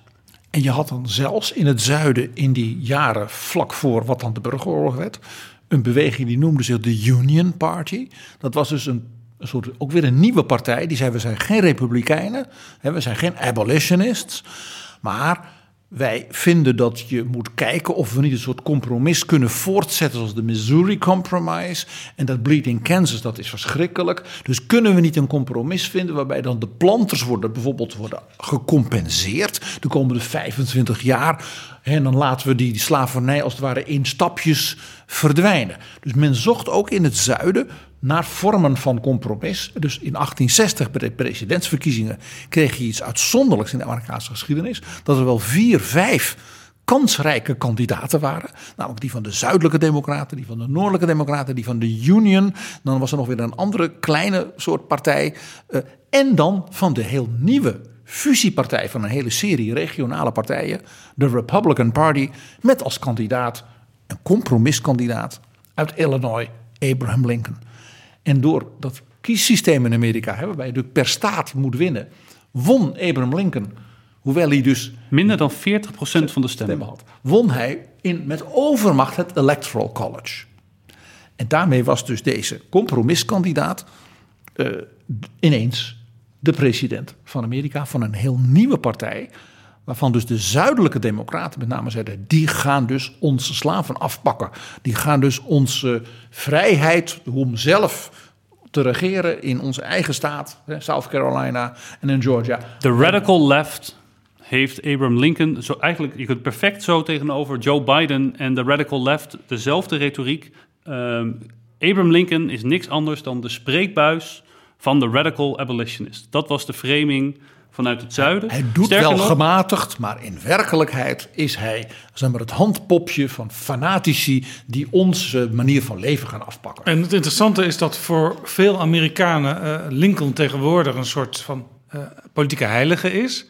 Uh, er is ook een groep binnen de Republikeinse Partij die zich de Lincoln Project noemt. En in de afgelopen verkiezingen zorgde zij ervoor, wilde zij er mede voor zorgen dat niet de Republikeinse kandidaat Trump, maar de Democraat Biden president zou worden. En dat moet voor iemand die bij met een tijdmachine uit uh, die 19e eeuw naar nu zou kijken, toch wel heel verwarrend zijn allemaal. Om je een idee te geven hoe lang dus die, ik zal maar zeggen, die faam van de Republikeinse Partij als de partij van de bevrijding van de slaven en van de zwarte heeft gewerkt. Uh, de vader van Martin Luther King, Martin Luther King senior heette hij, heeft dus echt uh, in de jaren 50 met zichzelf geworsteld, gebeden, ja, met zijn vrienden gepraat of hij toch niet op Nixon moest stemmen en niet op JFK. Want Nixon was toch de jonge vicepresident van Eisenhower. En Eisenhower was toch een republikein en was echt een echte opvolger van, van Lincoln. Eisenhower had ook een enorme reputatie. En die Nixon die heeft dan toch een goed hart. Want dat is een Republican. En die Kennedy, ja, hij is dan wel modern en dit, maar het is toch een Democrat. En het zijn de Democrats in het zuiden die hij dus beschermt. En pas dus toen uh, uh, JFK, hè, zijn schoondochter, Coretta King belde toen haar man, zijn zoon, in de gevangenis zat. Van wat kan ik voor u doen? Toen zijn dus dominees als Martin Luther King senior omgegaan. Hebben gezegd wij gaan op. En dat was dus voor het eerst in zijn leven dat hij dus op een democraat stemde voor het presidentschap. Dit is Betrouwbare Bronnen. Een podcast met betrouwbare bronnen. We keren terug naar 1860, één jaar voor het begin van die burgeroorlog. Lincoln wordt president en in zijn inaugurele reden doet hij een hartstochtelijk beroep op de Amerikanen, eigenlijk op de pro-union krachten voor de eenheid van het land. Lincoln heeft in zijn beroemde eerste inaugural speech dus de Amerikanen gezegd, en met name dus de Amerikanen in het zuiden. Ik ben de president van u allemaal. Ik wil met u samen onze union, onze democratie en onze republiek overeind houden en redden. En laten we met elkaar er proberen uit te komen. Nou, Permin, je kent die speech waarschijnlijk ongeveer uit je hoofd. Nou ja, mijn hoofd durf ik niet te zeggen. Maar hij zegt uiteindelijk, uh, wij moeten vrienden zijn. Wij moeten geen vijanden zijn. Uh, en uiteindelijk um, dat de, de soort van de, de grote historie van ons gezamenlijk ontstaan eigenlijk ons nog altijd zou moeten binden. En dat uiteindelijk, wanneer we een stapje terugnemen van onze ja, soort van verhitte discussies over waar we, nu, waar we nu in zijn beland. Als we daar een stap terug van zouden eh, nemen, dan zouden we toch weer door moeten hebben dat we uiteindelijk allemaal bij elkaar horen. En dan zegt hij, wij moeten luisteren naar de better angels of our nature. Dus de betere engelen van onze menselijke aard moeten ons als het ware tot het feit brengen dat wij vrienden zijn en dat we als Amerikanen dus bij elkaar horen. Maar om even aan te geven, Lincoln die stond dus gewoon op een heel aantal van de zuidelijke staten niet eens op het stembiljet. Dus zo enorm gepolariseerd was het al rondom zijn persoon. En op het moment dat hij deze inaugurele eh reden houdt, zijn de eerste staten al afgescheiden van de Verenigde Staten. Ze hebben niet gewacht, een aantal daarvan, tot zeg maar, de officiële inhuldiging van de nieuwe president. Zo verafschuwden zij dus Lincoln en dus met name zeg maar, zijn abolitionist achterban. En zozeer geloofden ze dus niet dat Abraham Lincoln de man was die wellicht toch voor een verstandig compromis zou kunnen zorgen. Er waren onder andere ook dreigementen eh, waar hij ook zelf eh, eh, ja, voor bewaakt werd van aanslagen op zijn leven en zelfs een militaire coup vanuit zeg maar de pro-zuidelijke troepen in Virginia, die dan als het ware een soort overval zouden doen op het Capitool en het Witte Huis in Washington om te verhinderen dat Lincoln president werd. Ook hier weer zie je dus de herinnering onlangs van het dus met geweld als het ware innemen van het Capitool omwille van de, het verhinderen van de wettelijk gekozen president. Ik wijs er nog een keer op hoe diep dit dus in de Amerikaanse geschiedenis en herinnering doorwerkt wat er gebeurd is. Er begon dus eigenlijk in het zuiden een soort eh, brexit, een afscheid van de Unie. Ja. Vertrek uit de Unie. Op 20 december, eh, na, dus na de verkiezingen, 6 november natuurlijk de verkiezingsdag. eh, en dan op 20 december scheidt als allereerste South Carolina zich af van de Verenigde Staten, vanuit de Unie. En dat gaat dan eh, één voor één, gaan dan eigenlijk de, een paar dagen later, de volgende, gaan die zuidelijke staten, die zeggen allemaal eigenlijk, ehm, eh, nou ja, we, stoppen ermee. En Lincoln, op het moment dat hij daar dus staat van, we must be friends, not enemies, is eigenlijk zijn hele, zijn hele kaartenbak wordt al leeggetrokken. Steeds minder staten houdt hij over. Ehm, en eh, dat zorgt er ook voor dat hij op dat moment zijn, zijn eh, tenminste dat zorgt bij mij voor wat begrip voor zijn politiek, die wij eerder misschien wel wat moreel nou, failliet zouden kunnen noemen op basis van de, van de slavernij. Ehm, ook wel weer wat begrip voor moeten hebben. Want hij, had, hij moest een bepaalde machtsbasis houden om het land uiteindelijk bij elkaar te kunnen houden. Om, dat, om te kunnen winnen, kon hij natuurlijk niet hebben dat alles en iedereen bij hem wegliep. Dus op dat moment eh, had hij een enorm belang dat de staten die ook om Washington DC lagen, Maryland met Baltimore, waar ook al rellen waren eh, uitgebroken. Lincoln werd op allerlei pleinen eh, als een pop verbrand door, door, door militia's, et cetera. Om dus ervoor te zorgen, ook met geweld, maar dat dat bijeen zou blijven. Dus hij probeerde ook bij zelfs de lokale verkiezingen over wat gaan we nu doen. In staten als Missouri, Kentucky, Tennessee. Dus de, de mensen van te overtuigen, kies niet voor de afscheiding, ook al heeft u slavernij. Eh, ik ben bereid u, als het ware uw manier van leven in uw staat te respecteren. Maar we zullen er wel samen uit moeten komen. Maar dat moeten we samen doen. Als we dat doen door afscheiding, dan komt er oorlog en ja, dan dreigen er de meest verschrikkelijke dingen. En dan kon hij natuurlijk zeggen, zie bleeding Kansas. Ja, dit is dus voor een, een, een politicus een, een zo ingewikkeld moment dat je denkt, ja, ik, ik, ik moet nu dingen doen waarvan ik misschien zelf nooit gedacht had dat ik voor die keuze zou komen, maar ik kan niet anders op dit moment. Je probeert je in te denken, je bent dus een, een, een, een regionaal politicus uit de staat Illinois. Je bent niet eens zo'n hele grote nationale figuur. Uh, je bent nooit senator geweest. Je bent nooit minister geweest of iets in, in Washington. Je bent van een partij die net is opgericht. Een fusie van een aantal groepen die nog met elkaar vaak ook rivaliseerden. Die ook allemaal hun eigen leiders weer hadden binnen de Republikeinse partij. Lincoln had allemaal rivalen die eigenlijk zelf wel president hadden willen zijn. En op die dus smalle basis, maar dat ijs was heel dun, moest hij proberen als dus de nieuwe president van een nieuwe partij de zaak bij elkaar te houden. Job Cohen zou zeggen, veel kopjes thee drinken. En, maar ja, daar was de tijd niet meer voor, want je zag dus in het zuiden al alle mogelijke staten zeggen van tabé, wij beginnen voor onszelf. En wat ze ook nog deden, ze vormden daarbij een heel nieuw verband. Dus ze gingen ook een soort tweede staat binnen Amerika oprichten. En dat is wat we de Confederacy noemen. En dat is, die noemden ze zich de Confederatie. En waarom noemden ze zich zo? Het Amerika van de grondwet van 1787 was daarvoor ook een confederatie geweest. Toen had, hadden dus die dertien staten een heel los verband met elkaar.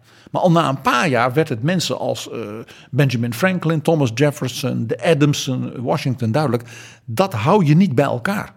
Dus toen hebben ze een veel krachtiger eenheidsgrondwet gemaakt. Dat is die fameuze Constitution van Philadelphia van 1787. Dus die staten die zich afscheiden van de Union, die noemden zich dus bewust Confederacy. Ze wilden dus terug naar dat veel lossere verband, waarbij dus de elites, de plantage-elites in die zuidelijke staten zelf wel Ja, bepalen een typisch voorbeeld wat van ze wilden. Wat, waar wij eens een eh, hele aparte aflevering van Betrouwbare Bronnen aan hebben gewijd. Typisch voorbeeld van nostalgiepolitiek. Zeker. Zeker. Nou, je ziet dus dat de mens Abraham Lincoln, ja, dus daar in dat Witte Huis komt, hè, met Mary Todd en zijn twee zoontjes, en dan maar moet zien hoe hij dat doet. En ja, men vond in Washington en in de elite aan de oostkust het een beetje een boerenkinkel. Hè? Hij vertelde ook heel veel verkeerde grappen. Hij maakte heel veel. Hij, hij hield ontzettend van moppetappen in vergaderingen. Nou, dat vonden dus die senatoren en die heren hè, die dan gouverneur waren geweest daar aan de oostkust allemaal niks. De deftigheid in het gedrang. Ja, ja. Dus hij werd ernstig onderschat als politicus. En op dat moment heb je natuurlijk ook het grote vraagstuk eh, wat voor ligt, is natuurlijk hoe ga je om met die zuidelijke staten die zich afscheiden. Nou, Lincoln was er heel duidelijk in, dat is niet de bedoeling. Eh, de Unie moet bewaard blijven. En eh, je krijgt dan eigenlijk een, tot aan beide kanten, men gaat recruteren. Er moeten soldaten gerecruiteerd worden om natuurlijk de, de, de kracht uit te stralen. Voor het zuiden natuurlijk om zichzelf te gaan verdedigen, die afgescheiden staten. En voor Lincoln om daarop te kunnen reageren. En ehm, op het moment dat Lincoln verkozen wordt, zijn er maar ongeveer 14.000 soldaten in het leger van de VS. Ja, dus eigenlijk iets waarvan eh, elke militair deskundige zegt kansloze toestand. En waar zaten die militairen? Die zaten in forten in het Middenwesten. In Californië. En in, en in de woestijn, in Oregon. En, Die zaten in feite eh, in de nieuwe grensgebieden. Ja, en dat waren hele kleine aantallen soldaten. En als je 250 man met paarden... en dan had je dus, zeg maar, de hele staat New Mexico... moest je dan eh, min of meer bewaken. Dat was het leger. Die mooie films met de cavalerie hè, en dan eh, cowboys en indianen... dat is allemaal 20e eeuwse fantasie. Ja, men was daar voornamelijk veel aan het gokken en aan de drank. Eh, Nou, nou, nou, nou, nou... Dit is Betrouwbare Bronnen.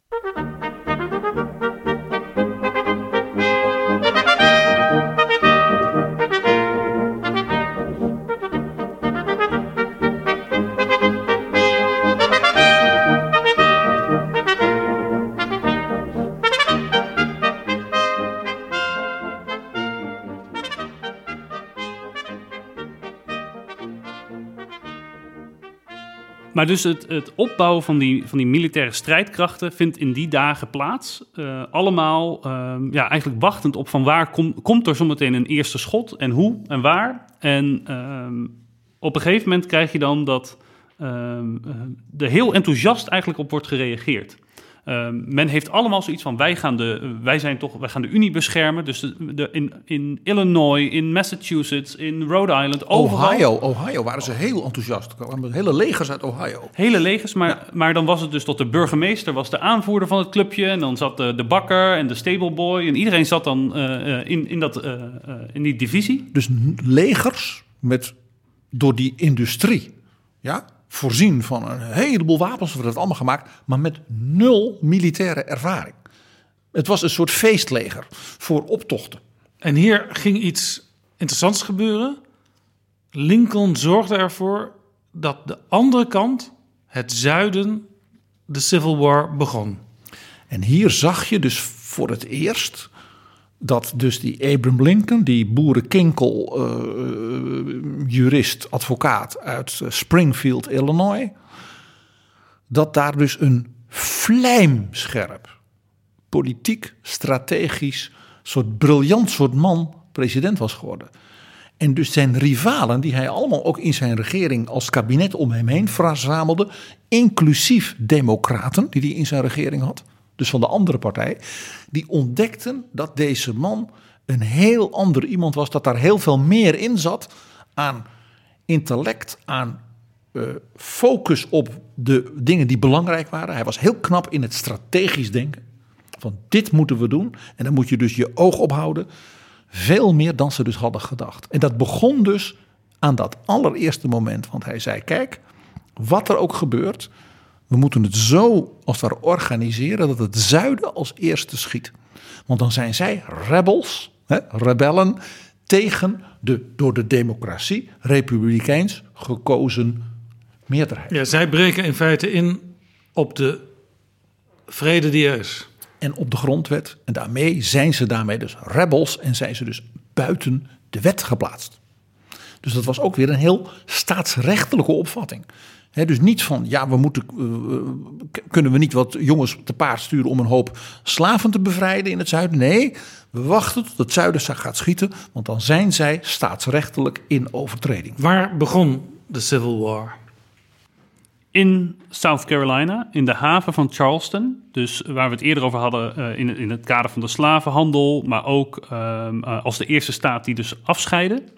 en in die haven had je een, ja, een soort van, niet een heel indrukwekkend fort, maar op een eilandje in de haven liggen. En daar zat een... Om, om dus de, de haven van Charleston te beschermen tegen piraten en nog met het idee dat ze het moesten beschermen tegen de Britten. Met name de Britten natuurlijk. Ja, de oude vijand. En daar zat eigenlijk een kleine groep uh, soldaten die dus bij de Unie, bij de Union hoorden. Dus bij uh, uh, wat overbleef van de Verenigde Staten op dat moment. Je hebt dan de, de Unie en dan de Confederacy aan de andere kant. En in die haven zaten zij dus in dat fort. En op een gegeven moment is er een ultimatum gesteld door, door South Carolina. Als u zich niet overgeeft en de witte vlag hijst, dan gaan we schieten. Nou, uh, kunt aanvoelen wat er ongeveer gebeurd is. Dat heeft men niet gedaan. Instructies vanuit het Witte Huis waren ook niet overgeven. En niet schieten. En toen heeft Lincoln op een bepaald moment gezegd: ja, die jongens in dat fort. Ja, daar ben ik verantwoordelijk voor als president, als opperbevelhebber. Dus die moeten wel te eten krijgen. Dus toen heeft hij een stel schepen, ook om dus het zuiden te lokken, hè, voor ravitaillering dus brood en uh, potten bier en, en natuurlijk uh, uh, kogels voor de kanonnen van het fort. En de zuidelijke havenmeester zei, die schepen van de Union, die komen onze haven niet binnen. Waarmee ze in feite al in overtreding waren, maar toen was er nog niet geschoten. En Lincoln zei, dan, dan laten we die schepen weer teruggaan. We gaan niet schieten. Dan hebben die jongens honger, dat is heel vervelend. Toen hebben ze dus met ook de commandant gepraat. Die zei, nou, ik heb nog voor zoveel dagen eten en ik kan de rantsoenen wel wat minderen. En de president zei, doe kalm aan, hou uw koest, ja, gedraag u, dan, dan, ietsje, ja, dan de rantsoenen maar minder. Maar provoceer geen oorlog, want wij willen geen oorlog, wij willen de Union. En je raadt het al, nou ja, per moment, op een bepaald moment gingen, gingen dus de zuidelijke batterijen vanaf de kust bij Charleston schieten op Fort Sumter. En de grote nou, bijna ironie van het hele verhaal is dat tijdens deze eerste slag niemand omgekomen is. En het was essentieel dus voor zeg maar, het besef van dit is dus een oorlog die ontstaat door een opstand tegen de democratie en de republiek. 12, de nacht van 12 op 13 april 1861. En Lincoln had toen als het ware het punt wat hij kon maken naar de bevolking en de, ja, de mensen in het noorden en ook de pro-union mensen in het zuiden, waar ze heel veel hoop op hadden nog steeds toen. Van ziet u wel, het is dus een opstand tegen de democratie en de republiek en wij moeten de union, de unie herstellen. En Lincoln heeft toen, door dat zo te doen, dus een enorme golf van soort patriotisme in het noorden losgekregen, waardoor hij ineens hoewel hij als president maar met een minderheid was gekozen, ineens dat hele noorden achter zich had. En ook delen in het zuiden, zoals staten als Kentucky, staten als Missouri, waar uiteindelijk een meerderheid van de bevolking meeging, min of meer met de Union, zij het dat ze natuurlijk ook door militairen eh, wel daartoe werden gebracht.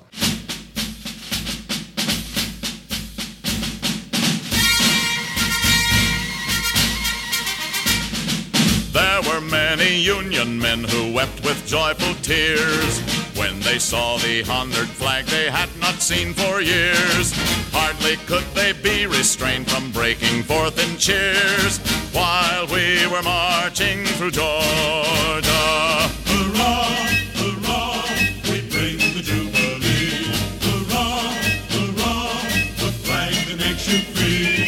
So we sang the chorus from Atlanta to the sea while we were marching through Georgia. Dit was dus het begin van die Civil War. Enorm enthousiasme, jij zegt het nu, PG, in het noorden, eigenlijk plotseling. Onverwacht. In een volgende aflevering gaan wij praten over hoe het verder ging in die burgeroorlog. Maar in het noorden dachten ze, dit hoeft niet heel lang te duren.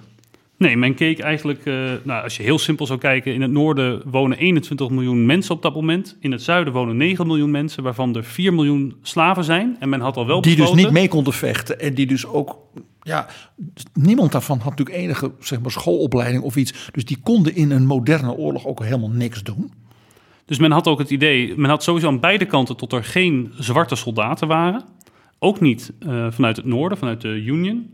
En maar de, de soort van, als je kijkt naar de kansberekening van wie zou nou de sterkste zijn, was dat eigenlijk wel van, van tevoren wel redelijk duidelijk. eh, dat zuiden, ja, dat kan economisch eh, het niet gaan opbrengen om het overwinnen tegen het noorden.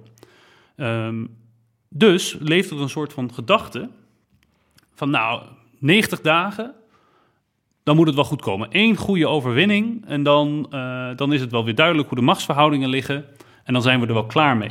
En dat was natuurlijk ook een beetje kijkend naar oorlogen van die tijd. Wat was nou de laatste grote oorlog waar de hele wereld besef van had? Dat was Napoleon. Dat was wel alleen 50 jaar eerder. En het beeld was, als je een hele knappe generaal hebt en die heeft flink troepen, nou veel enthousiasme, en die voert hij dan aan in een campagne en met één briljante veldslag. Dus je moet een briljante generaal hebben. Dat was dus ook een echt een ding, dat zullen we in een volgende aflevering wel gaan merken, dat dat voortdurend gezocht werd. En dan met één veldslag en dan is het over. En dan hebben we gewonnen. Het zuiden, grappig genoeg, maakte diezelfde rekensom die Permin maakte. Die dachten ook, het zal snel klaar zijn en dan in ons voordeel. En die dachten precies het omgekeerde. Die zeiden, ja, wij hebben een planterselite hè, van 9 miljoen eh, zuiderlingen, waarvan 4 miljoen slaven.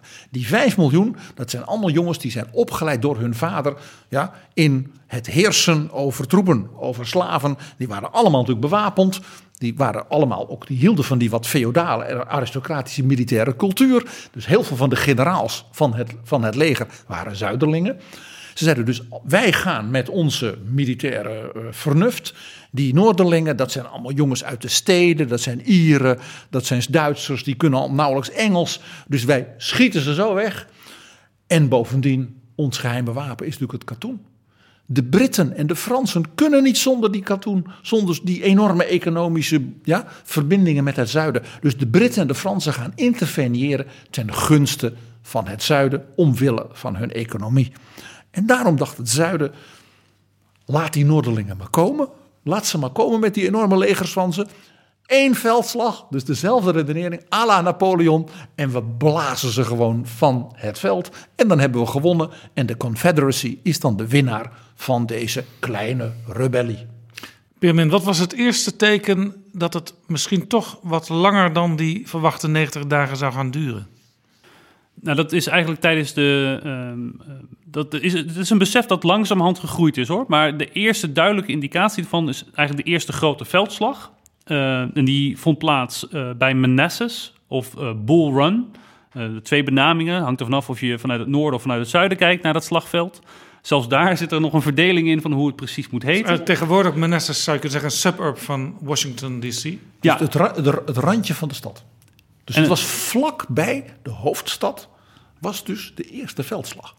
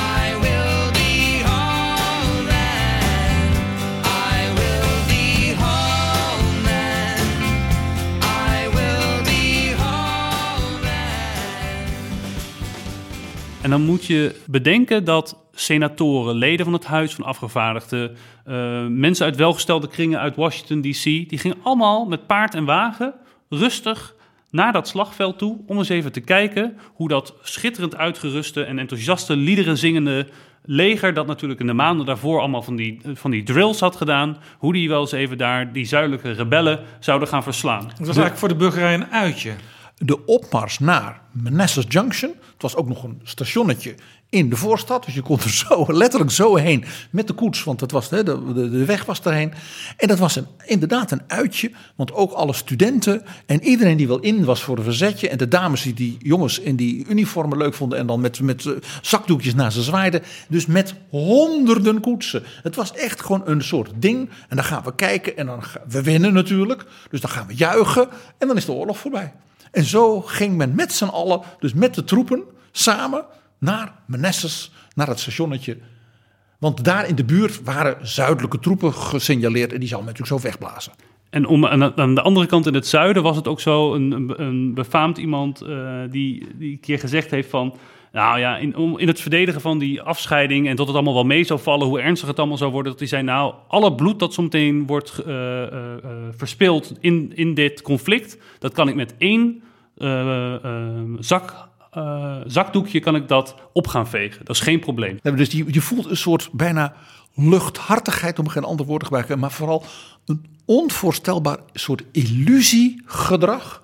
Omdat men natuurlijk ook helemaal geen idee had wat een in een moderne, industrialiserende massa-democratie en een massa-land als Amerika een oorlog zou gaan betekenen.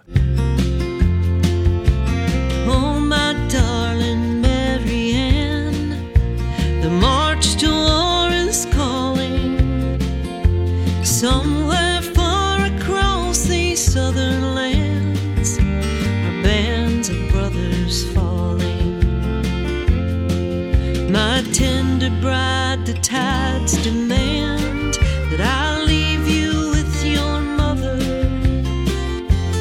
with my father's rifle in one hand and your locket in the other. En op dat slagveld eh, gaat het eigenlijk eh, eh, in eerste instantie helemaal niet zo slecht voor het, voor het leger van de Union. Ehm, maar dan, dan krijg je de situatie dat het allemaal zo ongeorganiseerde rotzooi is. Dat men dus al halverwege gaat zoeken naar souvenirs op het slagveld. Om te kunnen laten zien, nou ja, ik was erbij.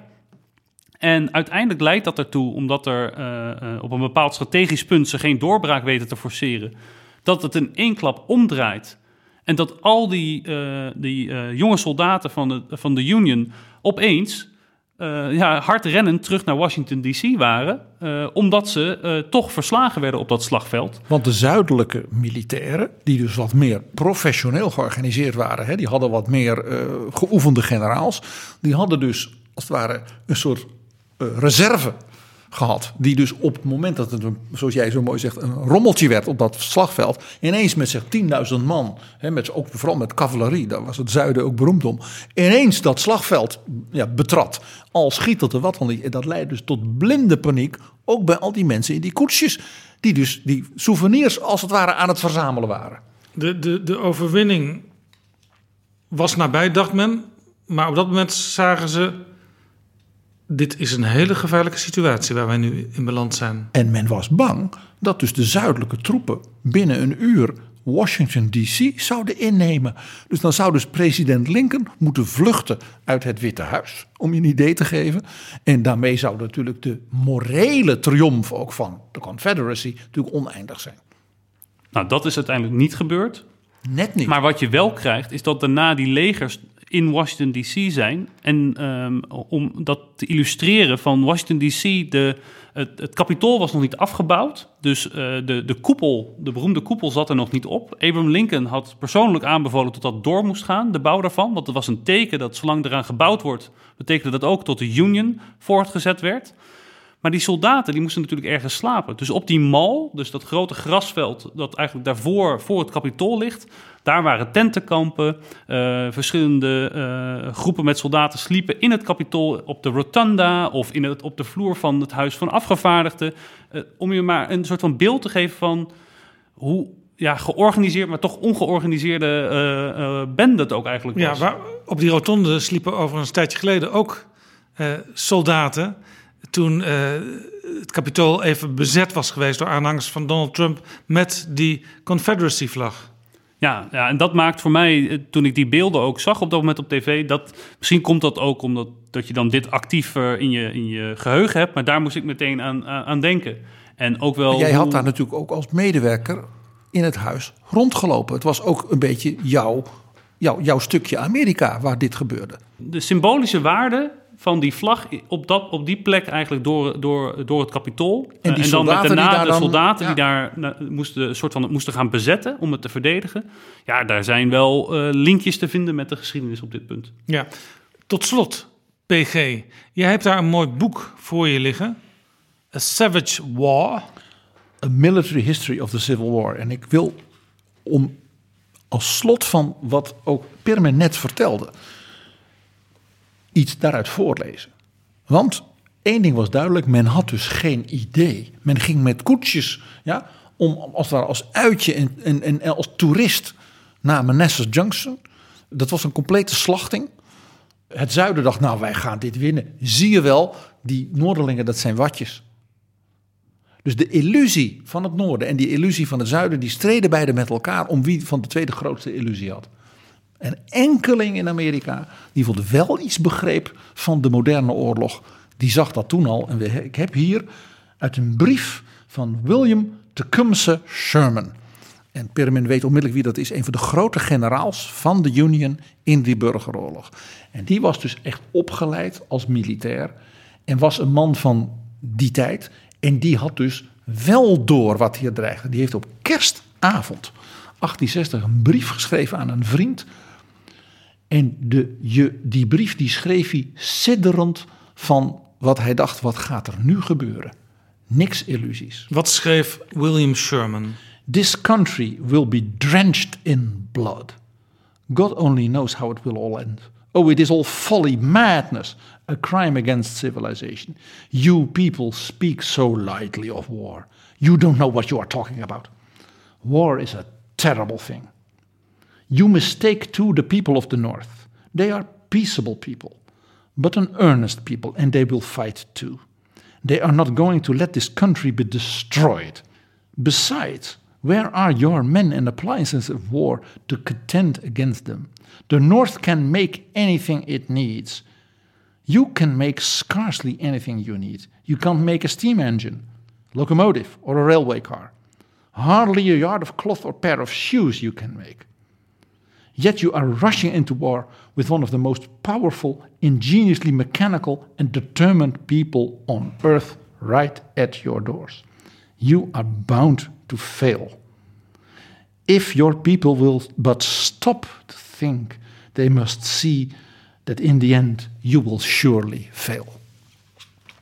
Dankjewel, Pirmin en PG.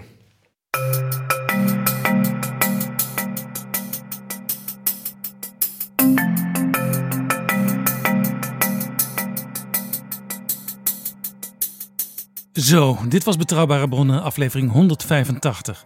Deze aflevering is mede mogelijk gemaakt door vrienden van de show. Luisteraars die ons steunen met een donatie.